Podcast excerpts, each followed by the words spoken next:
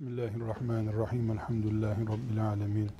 Ve sallallahu ve sellem ala seyyidina Muhammedin ve ala alihi ve sahbihi ecma'in.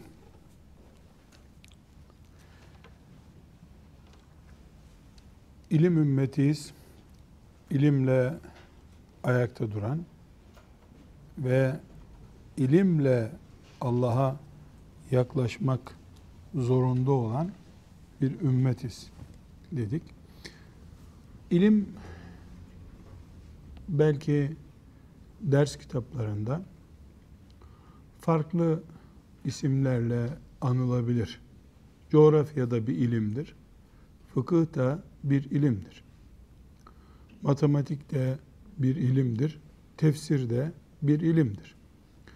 Ama biz ilim derken bunların tamamını kastediyoruz. İnsana yararı olan, insana iyi bir dünya hayatı yaşamak veya ahiretini mes'ud etmek için fayda getiren her ilim bizim burada konuştuğumuz ilimdir. Matematik buna neden dahildir? Coğrafya buna neden dahildir? Astronomi buna neden dahildir? Neden astronomiyi de böyle ilim olarak e, ibadet ilmi görüyoruz. İbadet yapılabilir tarzda astronomiyle uğraşılabilir görüyoruz. Çünkü nihayetinde insanın bunda bir yatırımı var, kazancı var. İnsan kazandıkça Allah'a kulluk yapacak demektir. Biz bu adına modern denen ilimlerin Müslümanların elinde olmadığı dönemde yaşıyoruz. Onun için bir Müslümanın matematik ödülü alabileceğini hayal edemiyoruz. Bir Müslümanın fizikte bir keşif yapabileceği bizim aklımıza yatmıyor. Biz olsa olsa tarih okuruz veya başkalarının geliştirdiği ilimlerden yararlanırız şeklinde şuur altında bir hissiyatımız var. Bunu belki bir kişi, iki kişi böyle değil diyebilir. Ya da birileri tarihle övünmek için matematiği biz keşfetmiştik. Sıfırı biz bulduk, üçü filancalar buldu şeklinde bir çıkış yapsa bile buna inandırıldık biz. Çünkü bu dünyanın şu andaki girdiği süreçte Müslümanların hiç sesi çıkmadı. Hep kafir olan güruhun sesi çıktığı için ilimde, filmde onlara ait oldu. Aslı böyle değil. Biz onların eliyle de keşfedilmiş olsa, Müslümanların eliyle de keşfedilmiş olsa Allahu Teala'nın kullarına lütfu olarak görürüz icatları, keşifleri. Fizik için de geçerli, astronomi için de geçerli, anatomi için de geçerli. Yani ilim ilimdir. Yeter ki o ilmin konusu Allah'a isyan olmasın. Biyoloji ve kimya e, insanların maymundan ürediğine dair bir safsatayı icat etmek için kullanılıyor diye biyoloji ile kimya ile alıp vereceğimiz olmaz bizim. Biz biyolojiye sahip olduğumuz zaman Adem Aleyhisselam'ın genlerini çıkarırız ortaya o zaman. İlk genin Adem Aleyhisselam olduğunu ispat etmek için biyolojiyi kullanırız. Yani bu kötü insanların elinde kötülük malzemesidir diye e, bir nesneyi imha edemeyiz. E, böyle olduktan sonra Kur'an-ı Kerim de kafirlerin elinde ilim olarak var. Onlar da Kur'an-ı Kerim'i araştırıyorlar, hadis-i şerifleri araştırıyorlar, kusur arıyorlar. Yani biz şimdi hadis-i şerifleri de mi kaldıracağız? Kafirler bundan bir şey arıyorlar diye. Her halükarda ilimle ne kastediyoruz? İnsana daha çok bilgi veren, insanı biraz daha rahatlığa sevk eden, dünyayı daha iyi kullanmaya sevk eden, ahirete de yatırımı olan her ne varsa bunun adı ilimdir. Bu tefsir olur, fıkıh olur, tarih olur, coğrafya olur veya diğer herhangi bir ilim dallarından ilim olur. Hepsi bizim bu sözümüze geçerli. Ancak burada bir e, ayrıntı söz konusu. Eğer ilimlere bir tasnif, sıralama yapacaksak veya tablolar halinde ilimleri tasnif edeceksek illa ki gerekebilir bu. Şeriat ilimlerimizle dünyevi ilimlerimizi iki ayrı sütunda ele alabiliriz. Dünyevi ilimlerle e, bu fiziğinden, matematiğinden, tıbbına kadar olan ilimleri, coğrafyayı vesaireyi kastederiz. Şeriat ilimlerinden de Kur'an ve Kur'an'ı anlamaya yardımcı olan diğer ilimleri kastederiz. Kur'an bizde ilmin başı. Fıkıh, tefsiri, hadisi, siyeri, ak- akidesi, diğer ne kadar ilim ismi biliyorsak hepsi Kur'an'ı daha iyi anlamak, Kur'an'a sahip olabilmek için geliştirilmiş e, ya da kendiliğinden gelişmiş ilimlerdir. Eğer böyle bir tasnif, sıralama yapacaksak şeriatımıza ait ilimler ve diğer ilimler diye bir ayrım yapacaksak ki yaptık diyelim. Burada kardeşler önemli bir nokta var. Bu dinimize ait ilimlerin tamamında ashab-ı kiram faktörü vardır. Eğer bu ilimler Kur'an kaynaklı, Kur'an menşeli ise Kur'an ashab-ı kiramdan bize geldi. Tefsirse yine ashab-ı kirama dayanıyorsun. Kur'an'ı hadis kanalıyla anlayacaksan hadis ashab-ı kiram demek. E, İslam'ı tarih olarak inceleyeceksen tarihin başında onlar var. Fıkıhsa fıkıhta zaten onların sözleri üzerine kurulu bir fıkıh bu. Binaenaleyh biz ashab-ı kiram eksenli bir ilim dünyamız var. Konumuzla bağlantılı olmamakla beraber küçük bir dipnot olarak bilinmesinde fayda var. Dolayısıyla on binlerce sahabi var. Bunlardan yaklaşık 10 bin taneye yakınının şu veya bu şekilde isminden, varlığından haberdarız. Rakam olarak 100 binin üstünde sahabi varsa da bizim elimizde isim, döküman olarak o kadar sahabi ismi yok. Binlerce sahabiden, hele bir 5 bin sahabiden söz edebiliriz. Ee, yüzlerce hatta belki 2000 sahabinin biyografisinden de söz edebiliriz. Doğum ölümüyle ilgili bilgiler var. Şimdi e, dipnot olarak konuşacağımız şeyi söylüyorum. Ashab-ı kiramın kitle olarak, yani bir bütün olarak tartışılır kimseler olması, yani sahabede şöyle olabilir, böyle olabilir denmesi, iki açıdan bizi sıkıntıya düşürüyor. Birincisi, tek bir harfinde de sıkıntı olmadığına iman ettiğimiz Kur'an'ımız ashab-ı kiramı övüyor. Onları Allah'ın sevdiğini söylüyor. Kur'an-ı Kerim onlara isim olarak da, kitle olarak da hitap ediyor. Sizin dininizi bugün tamamladım buyururken Allah, اَلْيَوْمَ اَكْمَلْتُ لَكُمْ دِينَكُمْ وَاَتْمَمْتُ عَلَيْكُمْ نِعْمَتِي وَرَضِيتُ لَكُمْ el-İslame dine. Bu küm zamiri bir ayetin içinde defalarca geçiyor. Peygamberin önünde aleyhissalatü vesselam on binlerce insan hutbe dinlerken bu ayet onlara okundu. Siz, siz, size, sizin, size takıları ashab-ı kirama hitap ediyor. Dolayısıyla ashab-ı kiram Kur'an-ı Kerim'in övgü bahçesine aldığı isimlerdir. Eğer ashab-ı kiram tartışılır kimseler olursa kutsiyet makamına çıkmak, onları masum görmek seviyesinde değil.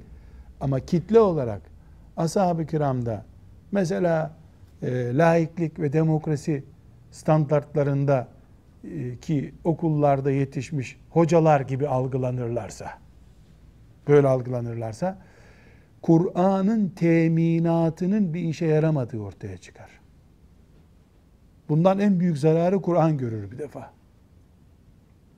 Hem Kur'an'ı kıyamete kadar baki kalacak bir teminat kitabı göreceksin.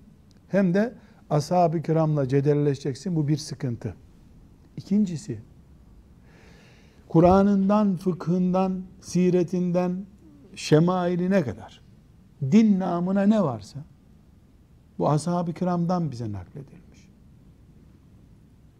Yani bizim mesela Resulullah sallallahu aleyhi ve sellem Efendimizin şemailine ait bilgimiz, fiziki şeklini aleyhissalatü vesselam Efendimizin tanıdığımız ilme şemail ilmi deniyor. Şemailine ait bilgimiz e, Ali bin Ebi Talip radıyallahu anh'ın tarifinden, Abdullah ibn Mesud'dan, Enes ibn Malik'ten akın alıntı yap.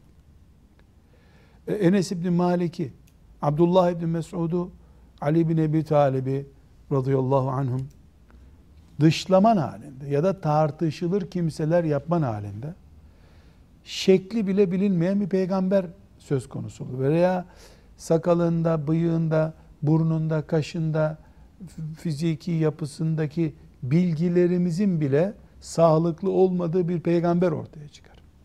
Bunun için bizim şeriatımızda ilimden söz edildiğinde ashab-ı kiramın takdir ediliyor olması lazım. Kaynak onlar çünkü. Evet, ortada bir gerçek var. Hiçbir sahabi, buna Ömer bin Hattab da dahil radıyallahu anh, hiçbir sahabi Ebu Hanife kadar fıkıh bilgisi icat etmemiştir.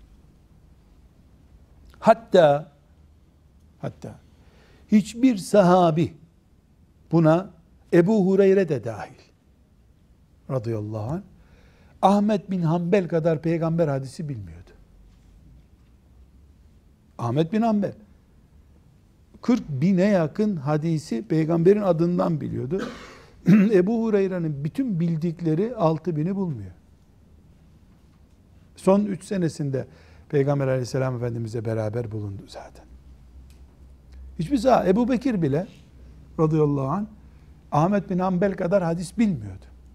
Ama biz ashab-ı kiramı sadece Ebu Bekir veya Ebu Hureyre olarak görmüyoruz. Bütününe ilmin kaynağı olarak diyoruz biz.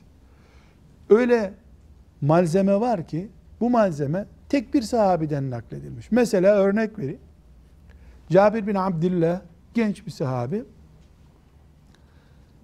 veda haccını Resulullah sallallahu aleyhi ve sellem Efendimiz on binlerce sahabinin önünde yaptı. Üstelik de bakın bana benim gibi yapın dedi. Bakın bana benim gibi yapın. Kema ra'aytumuni. Beni gördüğünüz gibi siz de yapın. Yani üstelik izlenmek üzere hac yaptı. Efendimiz sallallahu aleyhi ve sellem izleyin beni. Haccınızı izleyin. On binlerce sahabi e, dürbünle izler gibi Efendimiz aleyhisselamı izlediler. Nefeslerini izlediler. Ama haccı başından sonuna kadar tarif etmek sadece Cabir bin Abdullah'a nasip olmuş. Kaldır Cabir bin Abdullah'ı hac sıkıntıya girer. Nasıl yapılacağına dair bir sıkıntı ortaya çıkar. Evet, haçla ilgili yüzlerce rivayet var. Mina'da şöyle yaptı, böyle yaptı ama başından sonuna kadar hac tanıtımı bu sahabeye nasip olmuş.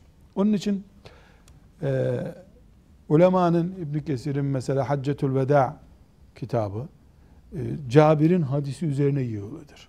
Koca bir Efendimiz sallallahu aleyhi ve sellemin haccını anlatan büyük bir kitap yazıyorsun. Evet ayrıntıları toplayınca onlarca sahabinin ismi geçiyor oluyor ama haccın mantığı Cabir hadisinde var.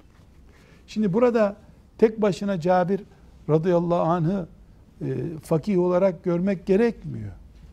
Toplamından ashab-ı kiramın din bilgisi ortaya çıkıyor. Biz e, ashab-ı kiramı Allah hepsinden razı olsun. Dinimizin ilminin pınarının başında duranlar olarak görüyoruz. Bu pınar önce ashab-ı kiramın ellerinden aktı, dillerinden aktı. emeklerinden oluştu. Sonra Ebu Hanifeler, Ahmet bin Hanbeller, Malik bin Enesler, Nekailer, Muhammed bin İdrisler barajlar kurdular. O pınarlardan akan işte bir hortum kadar incelikte veyahut da bir parmak inceliğindeki sular Ahmet bin Hanbel'in koca barajında toplandı. Biz Ahmet bin Hanbel'e bir baktık ki bütün vadiyi sulayacak kadar su dolu burada. Ahmet bin Hanbel aslında sahabi değil. İlmin de çok ötesinde. 250 sene sonrasında var ilmin. Ama önünü kesmişin suyun, vadinin önünü kesmiş, baraj yapmışsın. Oradan bir damla, buradan bir damla düşen sular sende göle dönüşmüş. Ashab-ı kiramın anlaşılması için bu gerekli. Ama e, barajın büyüklüğü çok büyük bir baraj, Ebu Hanife barajının büyük bir baraj olması, böyle tankerlerle taşımakla bitmeyecek kadar büyük bir baraj olması damlaya damlaya o barajın oluşmasına mani değil. İşte Cabir'in tek bir hadisi İslam'ın beş esasından bir tanesinin krokisini çizmiş. Nice e, sahabi var ki iki hadis rivayet etmiş, dört hadis rivayet etmiş. Mesela eddinu en nasiha diye meşhur olan din nasihattir hadisini rivayet eden sahabinin e, sayı kitaplarda bir tane hadisi var. Bir tek hadis var. Zayıf birkaç başka rivayetler var. Yani burada ashab-ı kiram bazen bir damla damlamış. O damla barajı doldurmuş ama. Dolması için gerekli olan son damlaymış o meğer ki. Bunun için prensibimiz şu bizim. Bir, ashab-ı kiram günahkar, hata eder insanlar olabilirler. Oldular da nitekim. Bağır, ağır hatalar yaptılar. O hatalarıyla, sevaplarıyla, güzellikleriyle, karasıyla, beyazıyla, e, mavisiyle ne renktenseler bütün o haliyle biz ashab-ı kiramı bize ait, dinimize ait ilimlerin pınarının başındaki insanlar olarak gördüğümüzden başta Kur'an'ımızın himayesinde bir sıkıntı olmasın diye ilim konusu deyince ashabı hatırlarız. Ama bir hakikata ayrıntılı bir kalem çizdik. Nedir o? Tek başına alim bir sahabi bulamayabilirim. Ömer bin Hattab radıyallahu anh da buna dahil. Bunu biz defalarca duymuşuzdur. Ömer bin Hattab radıyallahu anh mesela Bedir gazilerini, Bedir'e katılanları Medine'den çıkma yasağı ile yasaklamış. Medine'yi terk edemezsiniz demiş. Mecburi ikamet deniyor ya şimdi. Mecburi ikamet getirmiş. Gerekçesi sorulduğunda da ben burada İslam devletini idare ediyorum. Her gün bir olay gelişiyor. Kime danışıp bu işi yapacağım demiş. Yani fetva vermeye veya kaldık ashab-ı kiramın en çok fetva veren Ömer'dir. Yani yüzlerce fetvası var. E, fetva vermeye e, cüret edememiş. E, kime danışacak? allah Teala'nın büyük vaatlerde bulunduğu, günahlarını mağfiret ettiğine dair vaatlerde bulunduğu Bedir ahalisini hapsetmiş Medine'ye. Rica filan nedeni bile göndermemiş. Gidemezsiniz bir yere demiş. Bu bir anlayış tabi. Yani bundan biz neyi e, istifade etmek için konuşuyoruz? Yani Ömer bin Hattab bile olsa tek başına şu dağlar gibi ilim yok o adamda aslında. Ama toplandıklarında bize yetecek kadar din bırakmışlar elhamdülillah. İnşallah ashab-ı kiramın bu konusu iyi anlaşılmıştır. Burada arkadaşlar kaç sahabi olduğunu defalarca tekrar ettik. Bilmiyoruz. Yani 120 bin sahabi veda hutbesini dendi deniyor. Bu ashabın bütününe ait bir rakam değil. Hacca gitmeyenler vardı. Ailesiyle gelemeyenler vardı. Belki 200 bin sahabi vardı. Belki de 115 bindi. Yani bir nüfus sayımı yok ortada. Ama kaç sahabinin kaç sahabinin ilim ehli olduğunu bilebiliyoruz. Neden? Çünkü ashab-ı kiramın ilimle meşgul olanlar, yani alim, fetva verebilir, hadis rivayet edebilir, düzeyde olanları bize intikal etmiş. Yani filan sahabi böyle dediği için ben böyle yapıyorum diyor Malik bin Enes. Filan sahabi Peygamber aleyhisselamın böyle buyurduğunu söylüyor. Filan ayette böyle okunur. Filan ayetin anlamı budur. Dediği için bir sürü sahabi Kur'an tefsir eden, fetva veren, hadisi şerifleri şerh edebilen 130 küsür sahabi biliniyor. 133, 135 ihtilaflı bazı. Kadınlı ve erkekli. Yani kadın kadın sahabilerden de alim olanlar var. Arkadaşlar bu yaklaşık en iyi ihtimalle binde bire tekabül ediyor dikkat ederseniz. Sahabede de ilim binde bire tekabül ediyor. İlim adamı, alimlik oranı. Yani her imam hatip okuyanı alim olarak bilmenin ne kadar yersiz olacağına bir belge olarak bunu konuşabiliriz. Her kitap okuyan, her fıkıhla meşgul olan çok şey bilebilir. Ama alimlik vasfı çok zor bir vasıf. Neden? Çünkü filan kitapta okuduğunu özetlemek ki benim yaptığım iş. Oturuyorum bir gün öncesinden 3-4 kitabı karıştırıyorum. Deryalar gibi konuşuyorum görüyorsunuz. Bu ilim değil bu. Bu hoparlörlüktür. Eğer kaş göz hareketlerim iyi yapabiliyorsam, minik hareketlerim güçlüyse müessir bir hatip oluyorum. Ashab-ı kiramın ki ashab-ı kiramın ki tarladaki mahsulden yemek yapmaktır. Benim ve benim gibilerin yaptığı tencereden kotarmaktır. Pişmiş yemek ben getiriyorum buraya. Sen tencereyi aygaza koyup ısıtmayı bilmediğin için benim yaptığım işi çok maharetli bir şey zannediyorsun. Ashab-ı kiram Fatiha suresini okuyup ondan Allah'ın ne kastettiğini anladılar. Onlardan sonraki tabi'in nesli ve onlardan sonra gelen imamlar nesilleri. Ebu Hanife de bunu yaptı. Nitekim Ebu Hanife'nin sözü hani çok meşhurdur bildiğimiz bir söz. Nasıl fetva veriyorsun? Nasıl fıkıh kuralları çiziyorsun dendiğinde ne diyor? Kur'an'da bulursam zaten Kur'an'dakiyle amel ediyorum. Kur'an'da yoksa peygamberin hadislerine bakıyorum. Peygamber ne buyurduysa onu hallediyorum. Peygamberden sonra eğer bir şey yoksa hadislerde bakıyorum Ömerler, Aliler ne yapmış? Yani ashab-ı kirama bakıyor. Onlardan da bir görüş bulamazsam kendi emsallerini kastederek bunlar da adam ben de adamım diyor. Bunlara mı soracağım? Bunlara mı soracağım?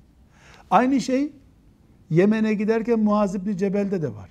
Efendimiz çağırmış onu Yemen'e müftü olarak gönderiyor. Muaz demiş. İnsanlara nasıl hüküm vereceksin? Ya Resulallah Kur'an'a bakarım.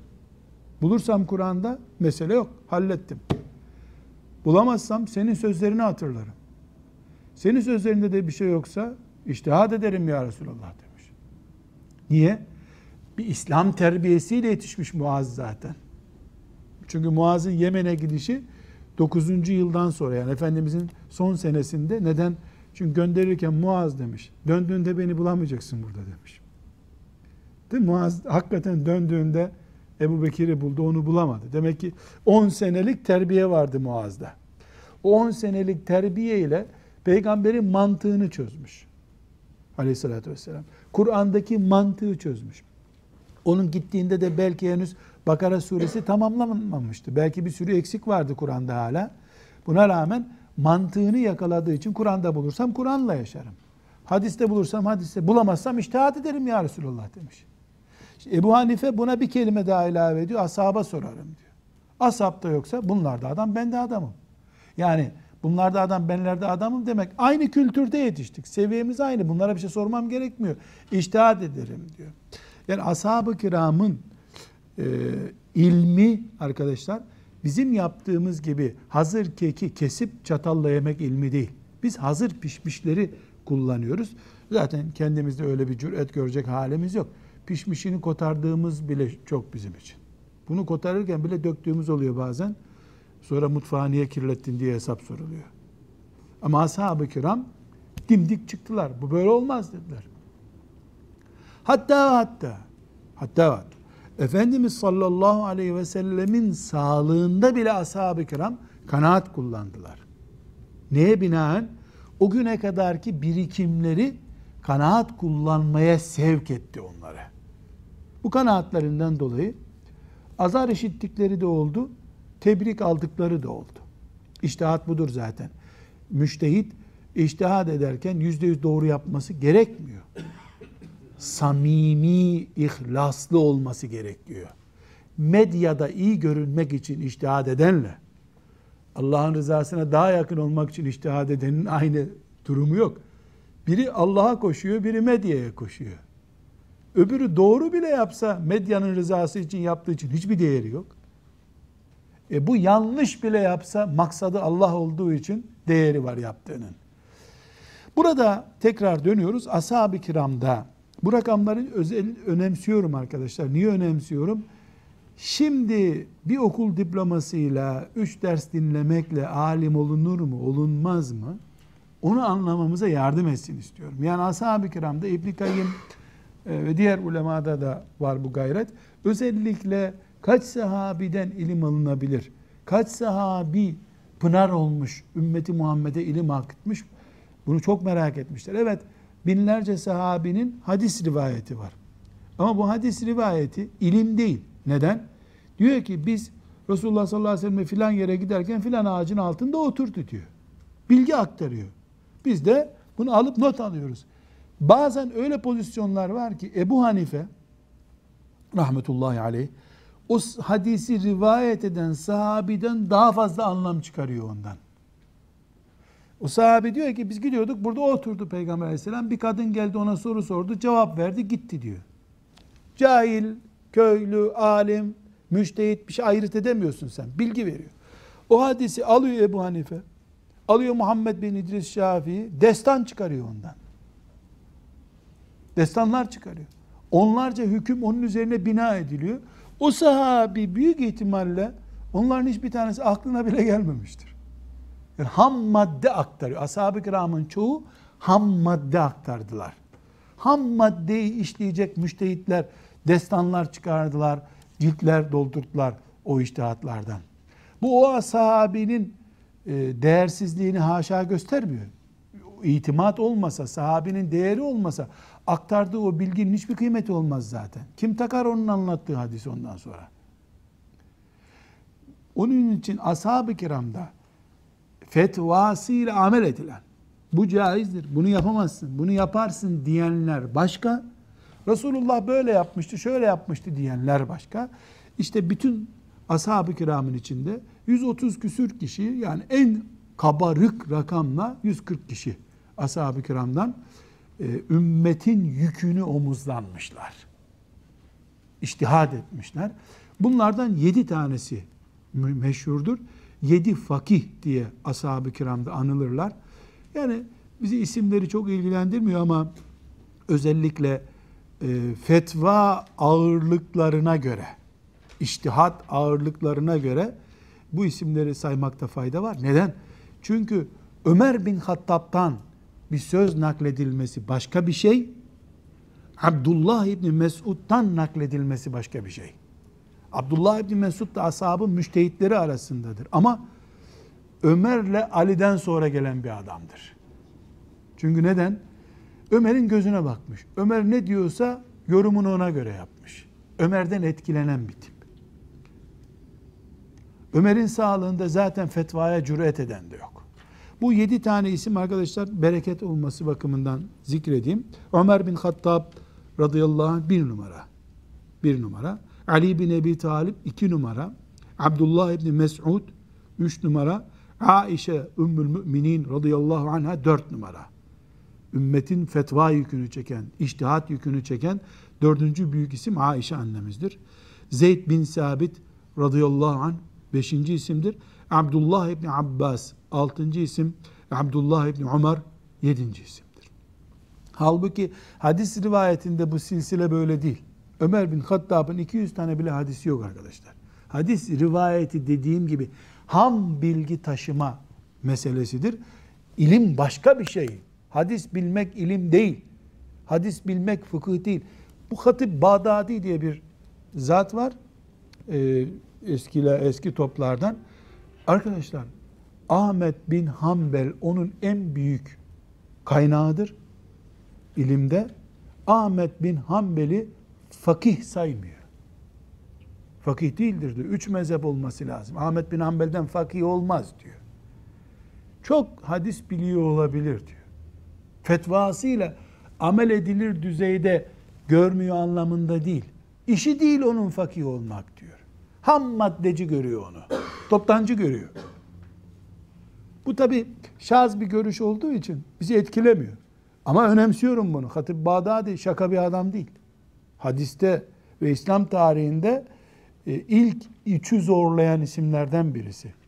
Böyle bir cami hocası, bir Kur'an kursu hocası, bir Nurattin Hoca'nın milyar katı filan böyle değil. Büyük isim ama Ahmet bin Hanbel'i fıkıhçı görmüyor. Niye görmüyor? E, çok hadis biliyor o kadar diyor. Kıvrak zeka görmüyor Ahmet bin Hanbel'de. Öbür taraftan Ebu Hanife'ye düşmanlığı var. Kızıl Şafii çünkü deyim yerindeyse müthiş Şafii. Ebu Hanife'yi böyle yerden yere vuruyor. Fıkhın da babası diyor. Yani mesele bir düşmanlık meselesi değil. İlim adamı gözüyle bakıyor. Ahmet bin Hanbel'i fıkıhçılıktan çıkarıyor. Ebu Hanife'yi yanlış yapıyor diye yerden yere vuruyor ama alim diyor. İlim de budur arkadaşlar. Hakkı yerine oturtursun. Doğruyu söylersin. Bildiğinden de devam edersin. Allah razı olsun. Bize bu ufukları açtılar. Ee, biz de böyle rahat bol gösiden konuşuyoruz. İşte ashab-ı kiramın ham madde taşıyıcıları, Kur'an'ı bize getirenleri. Mesela Übey ibn Kâb dikkat ettiniz mi? Bu isimler arasında var mı? Geçen dersimizde konuştuk. Efendimiz sallallahu aleyhi ve sellem Kur'an'ı beş kişiden alın diyor. Başta Übey ibn Kâb var. Ebu Musa el-Eşari var. Kur'an'ı en iyi okuyan sahabi. Bu isimler arasında yok. Ham madde taşıyıcısı. Hatta ve hatta hadis ilminin dörtte bir yükünü çekiyor Ebu Hureyre. Bu yedi kişide var mı? Yok. Tekrar okuyalım. Ömer, Ali, Abdullah, Aişe, Zeyd, Abdullah, Abdullah. Yok. Ebu Hureyre yok bu yükte. Öbür taraftan Abdullah İbni Ömer tam çeyreği kadar hadis rivayet ediyor. Ayşe annemiz çeyreği kadar Ebu Hureyre'nin hadis rivayet ediyor. Ama ilim adamlığında bir numaralar. Bu dediğim gibi bize hangi açıdan lazım? Bugün alim tasnifi yapıyoruz. Bu açıdan lazım. İki, ashab-ı kiramı bilmeden ilmin bize nasıl taşındığını bilmemiz mümkün değil. O açıdan lazım. Burada arkadaşlar hadis rivayeti sözü edilince özellikle ashab-ı kiramın yedi de muhaddisi var. Hadiste de yedi kişi meşhur. Bu yedilerde böyle kutsiyet bir rakam e, orijinalliği falan yok. Rastlantı. Yedi Medine fakihi diyorlar bunlara. Tabiinde de yedi tane meşhur fakih var.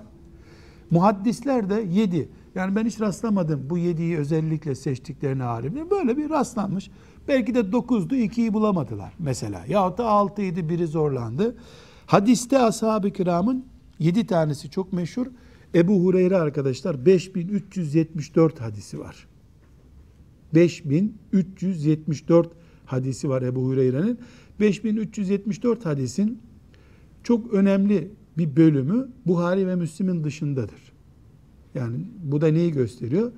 Ee, Ebu Hureyre'den gelen her hadis sahih olması gerekmiyor. Böyle bir şart da yok zaten. Ee, Ebu Hureyre'den rivayet edilmiş mevzular da var. Çok zayıf hadis de var. Ama en çok sahih hadiste Ebu Hureyre'den gelme.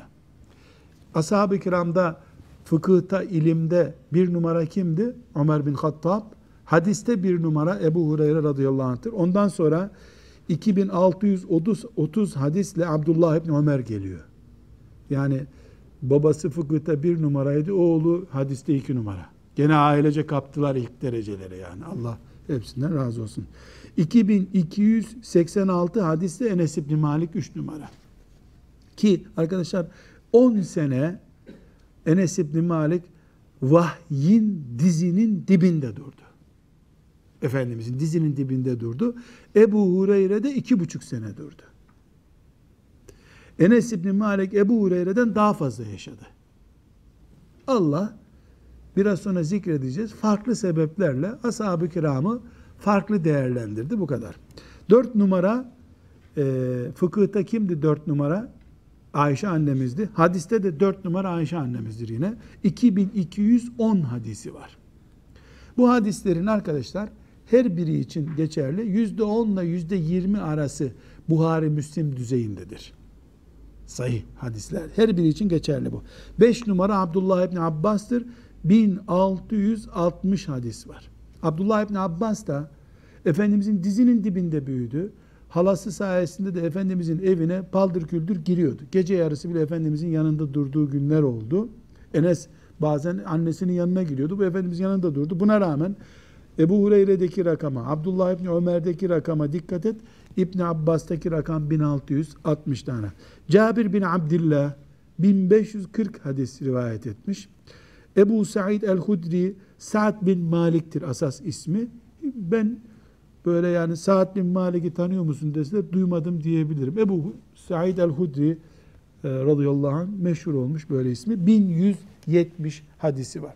Arkadaşlar bunun dışında e, Hulefai Raşidi'nin bile yani Ömer, Ebu Bekir, Ömer, Osman, Ali radıyallahu anh'ım onların bile 200'ü geçmiyor hadisi var. Ali radıyallahu anh en fakih sahabilerdendir. En alimlerindendir.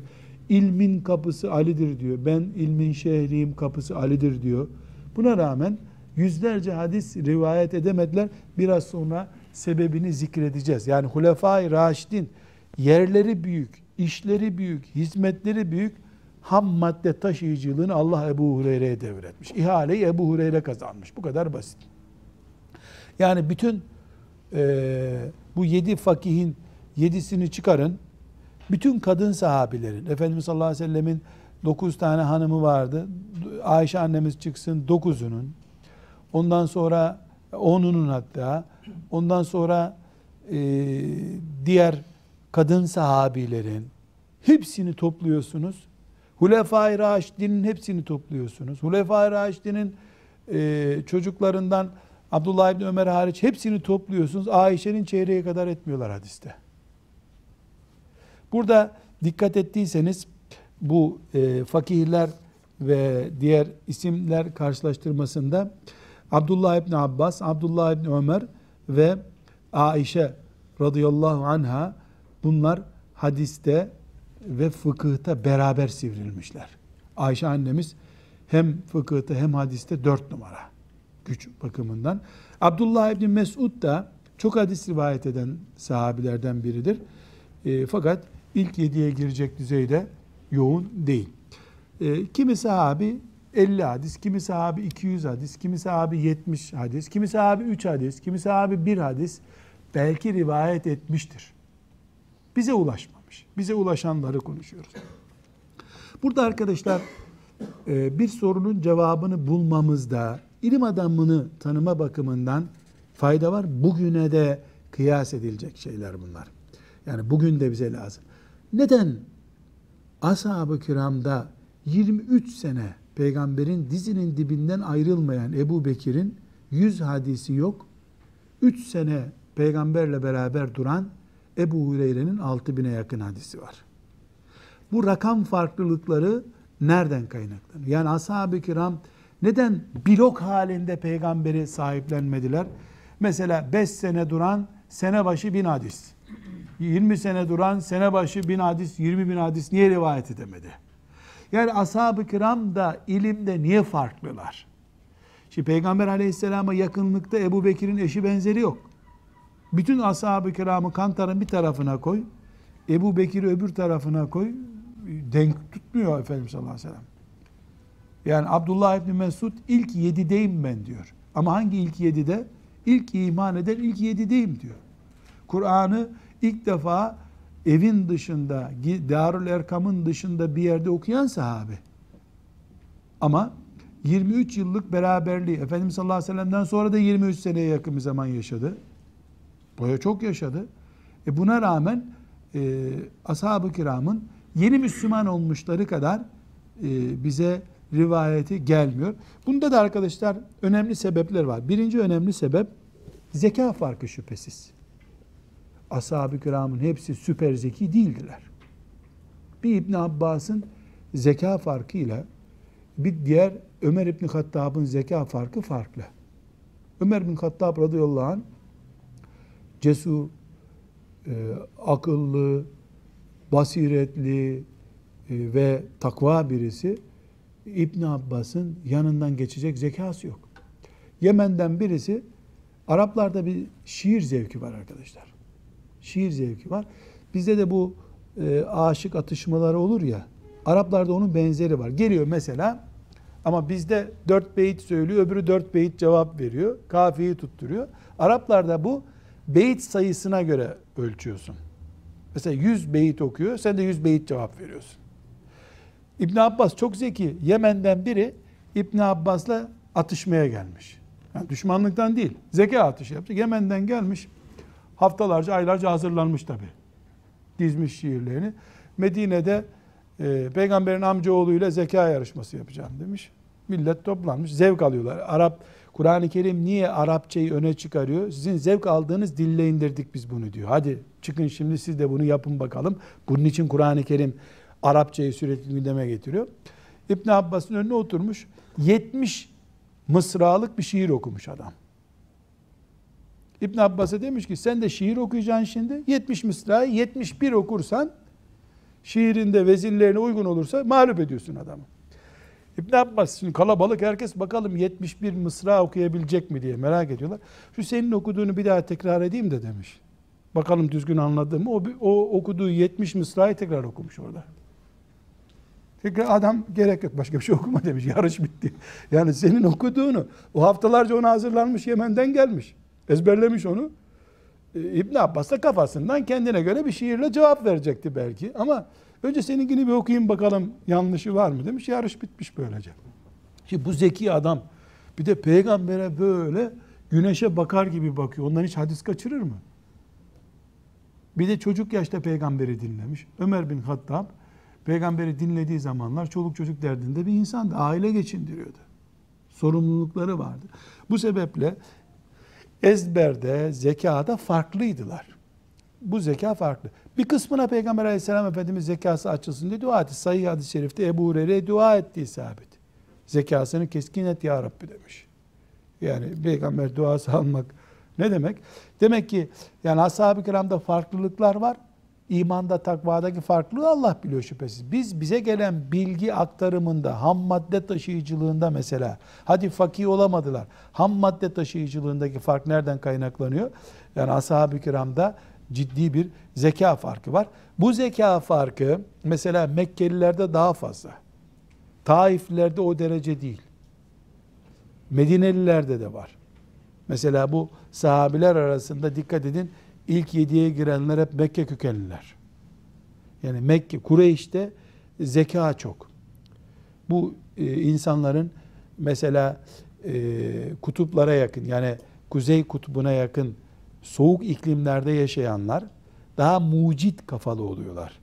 Sıcak iklimlerde yaşayanlar da daha ezberci oluyorlar. Mesela Afrika'da insanlar 7 dil, 8 dil öğreniyorlar. Altında pijaması yok. Bakıyorsun İngilizce, Arapça, Türkçe her dil. Mesela bizde gördünüz 3 ay kalıyor Türkçe konuşmaya başlıyor. Kuzeyden insan da geliyor burada nasıl sömürü yapacağını 3 ayda anlayıp gidiyor. Birinde kurnazlık çok, kıvrak zeka çok. Yani iklimin insanlara etkisi var arkadaşlar. İklim çocuk sayısını da etkiliyor, zekayı da etkiliyor, yeme tarzını etkiliyor. Mesela e, çok bibervari şeyler yiyenlerin sesleri daha güzel oluyor. Çok tatlıya düşkün olanların sesleri farklı oluyor. Yani bizim yaratılışımız e, topraktan geldiği için toprağın ürünlerinden etkileniyoruz. Zeka da etkileniyor. Tabii bu madem öyle bir kilo pul biberi bugün yiyeyim yarın zekam keskin olsun üniversite imtihanına gireceğim diyecek halde değiliz. Yani senin anan baban ve onun anasının babasının yediği pul biber etkiliyor da sesi güzel oluyor bunun. Yani bu genetik olarak yukarıdan aşağı geliyor. Ashab-ı kiramda bu zeka farklılığı çok keskin. İkinci olarak da arkadaşlar sahabilik oranları çok farklı. E biri Resulullah sallallahu aleyhi ve sellemle 20 sene kalmış, öbürü 10 sene kalmış. Biri 20 sene kalmış ama yani haftada bir Efendimiz'i ziyarete gelmiş. Enes İbni Malik de yatak odasının kenarında durmuş Efendimiz sallallahu aleyhi ve sellem. Sahabilik sürelerinin farkının da Üçüncü olarak da meşguliyetleri bizzat cihat olan insanların bilgisinde azlık görüyoruz. Ebu Hureyre ile Halid İbni Velid radıyallahu anh'ın Müslüman olma tarihleri yaklaşık olarak yakındır. Aynı yani aynı günler değil ama yakın tarih. Ebu Hureyre binlerce hadisten söz ediyor. Halid İbni Velid iki tane hadisi yok. Hatta ve hatta bazen konuşuyoruz. Namaz kılarken okuyacak zamm-ı süre bilmiyor. Bir gün namaza geçmiş. Şaşırmış. Oradan topla olmaz, buradan topla olmaz. Yeni hafız gibi. Orası yanlış, burası yanlış. Çocuklar gülmüş sonra. Dönmüş ne gülüyorsunuz demiş. Ya, biz Allah için kılıç kaldırmaktan vakit bulduk mu bir süre öğrenmeye demiş. Yani cihatla meşgul olanları Amr ibn As radıyallahu anh Halid bin Velid Müslüman olmuş. Amr ibn As'ın eline bir kılıç vermiş Efendimiz çık bakayım demiş. Gidiş o gidiş. Ayda bir gelmiş talimat vermiş Efendimiz'e gitmiş bir daha. Gitmiş bir daha gelmiş bir daha. Bir şey öğrenmeye vakitleri olmamış ama buna rağmen Amr ibn As Resulullah sallallahu aleyhi ve sellem'den sonra da çok yaşadığı için e, Ebu Hureyre'den, filan sahabiden, Muaviye'den, Ali'den, Osman'dan öğrendiği bilgileri de bize aktarıyor. Amr ibn As'ın hadis sayısı çok daha fazla, ömrü fazla olmuş. Ee, burada bazı sahabiler, bir başka sebep de bazı sahabiler sağlık nedenlerinden dolayı veya e, becerilerinden dolayı kendilerini e, hayatın her bölümüne taşıyamadılar. Sabaha kadar Kur'an okuyan sahabiler var. Hassan ibn Sabit mesela e, yetenekli bir sahabi değil. Şair, sanat bombası gibi bir insan. Ama üç cümleyi de üst üste toplayacak bir yeteneği yok. Bir becerisi yok. Topluma karışan bir tip değil. Kılıç kullanmaktan korkuyor. Ödlek bir mizacı ve sanatkar adam. E, bu sebeple Hasan ibn Sabit'ten bir hadis duymuyoruz. Çok yaşamış. Efendimizin yanında durmuş. Efendimizin enformasyon müdürü. Deyim yerindeyse şimdiki deyim. Hasan ibn Sabit'in görevi de var. Yani basın açıklamalarını Hasan ibn Sabit yapıyor deyim yerindeyse. Ama buna rağmen Hasan ibn Sabit'in rivayetine göre Resulullah şöyle buyurmuş diye bir hadis duymuyorsun bir yerde. Neden? Başka bir alana daraltmış. Efendimiz gelsen buraya dememiş. Bazı sahabiler kafaları belli konulara kilitli. Mesela nerede bir fitne, kıyamet alameti vesaire gibi böyle parazit çıkaracak konular varsa Ebu Zer var başında. Kendi de diyor ki herkes peygambere ortadan sorardı ben zıt şeyler sorardım diyor. Şimdi namazın tarifiyle ilgili bir hadis bulamıyorsun. Namazla ilgili, oruçla ilgili bir hadis yok Ebu Zer'den. Onlarca hadisi var ama. Çok hadisi vardı. Böyle Ebu Hureyre düzeyinde falan değil, Ayşe düzeyinde değil radıyallahu anh. Ama çok hadis rivayet ediyor. Tip tip şeyler. Hep böyle fitne ile ilgili, kıyamete yakın olacak şeyler. Ee, sonunda da zaten o hadisleri rivayet ettiği mantıkla tek başına ölmüş. Çocuklarına demiş ki bir e, böyle dağ başı bir yerden bir ev kiralamış. Orada yaşıyor. İnsanlardan uzak. Ter, hayat tercihi böyle. Buna, bu onun değerini ne düşürüyor ne artırıyor. Efendimiz de demiş ki Ebu Zer bu gidişe sen tek yaşayıp tek öleceksin demiş. Neticede ecelinin yaklaştığını anlayınca çocuklarını çağırmış demiş ki torunları çocukları var. Ben ölünce e, kızlar var erkek yok meydanda. Çünkü çocukları cihada gidiyor orada oturuyor. E, ben ölünce yolun kenarına çıkarım beni demiş. Bir Allah kulu gelir cenazemi kaldırır demiş. Kadınlar da kaldıramıyor çünkü. Nitekim ölmüş, ölünce getirip yolun kenarına koymuşlar onu.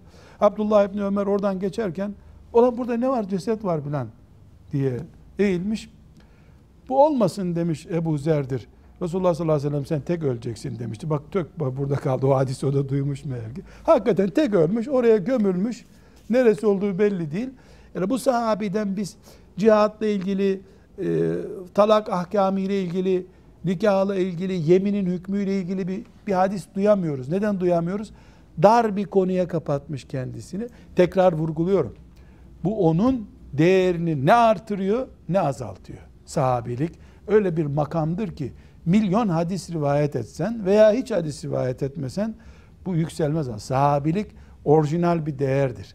Bu rivayet etmekle etmemekle büyük veya küçük olmuyoruz. Veya bir huyundan, bir mizacından dolayı olmuyor. Mesela Hazreti Ömer radıyallahu anh Medine dışına çıkışını yasaklamış. Yöneticileri rahatsız ediyorsun sen Ebu Zer demiş.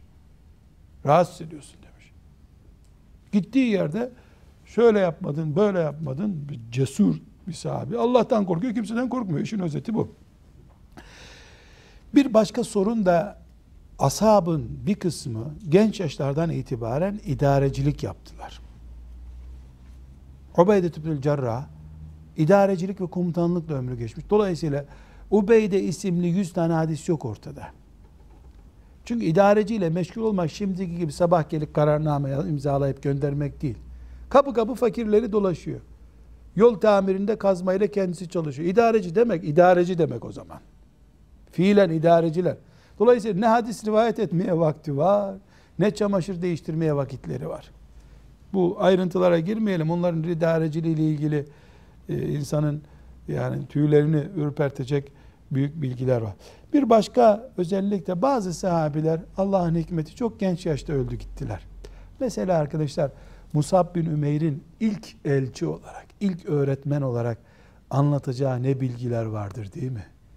Mesela Musab bin Ümeyr'in hatıratını dinlemiş olsaydık, Medine'ye ilk gittiğinde neler yaptı diye.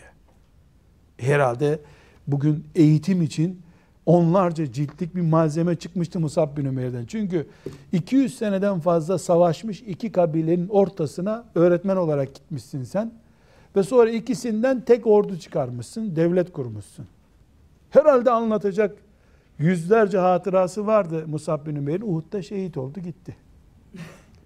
Bir sürü sahabi genç yaşta şehit oldu. Bu genç yaşta şehit olan sahabilerle beraber onların dağarcıklarındaki yüzlerce hadiste gitti tabi. Efendimizden sonra Ebu Hureyre mesela çok yaşadı. 50. yıla kadar yaşadı. Çok yaşayan, 50 sene daha yaşayan bir sahabiye ihtiyaç hissedildi. Mesela Ebu Bekir varken, Ömer varken Ebu Hureyre'ye kimse soru sormuyordu herhalde. Ayşe annemiz varken soru sorulmuyordu. Ama sonra o büyükler gidince Ebu Hureyre bir numara oldu. Gelen sordu, giden sordu. O da Medine'de oturdu. Ee, Resulullah sallallahu aleyhi ve sellem'den emanet aldığı emanetleri bize taşıdı. Allah onlardan razı olsun. Bir sorun daha var. Bazı sahabiler çok aşırı hassas davrandılar. Aman ben bundan bir harf eksik anlatırım diye bildiğini de konuşmadılar. Aman aman aman eksik anlatırım. Aman ağzımdan bir harf fazla kaçar.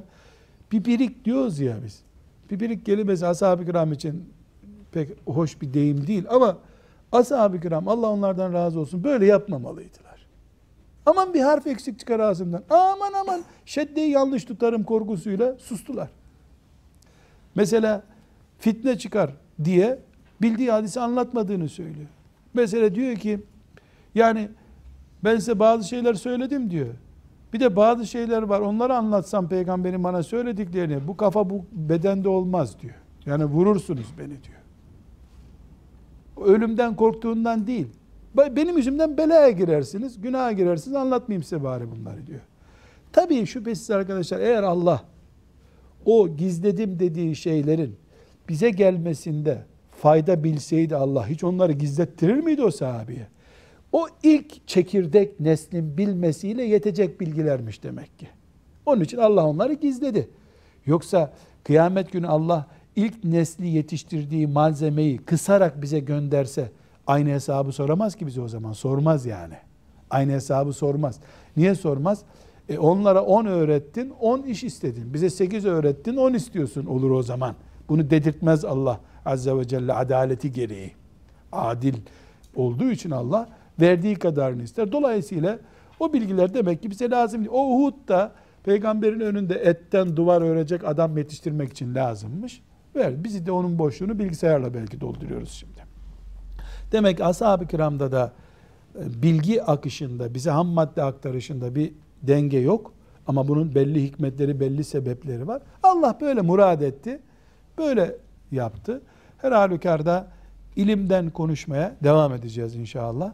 Allah müyesser kılarsa. Velhamdülillahi Rabbil Alemin.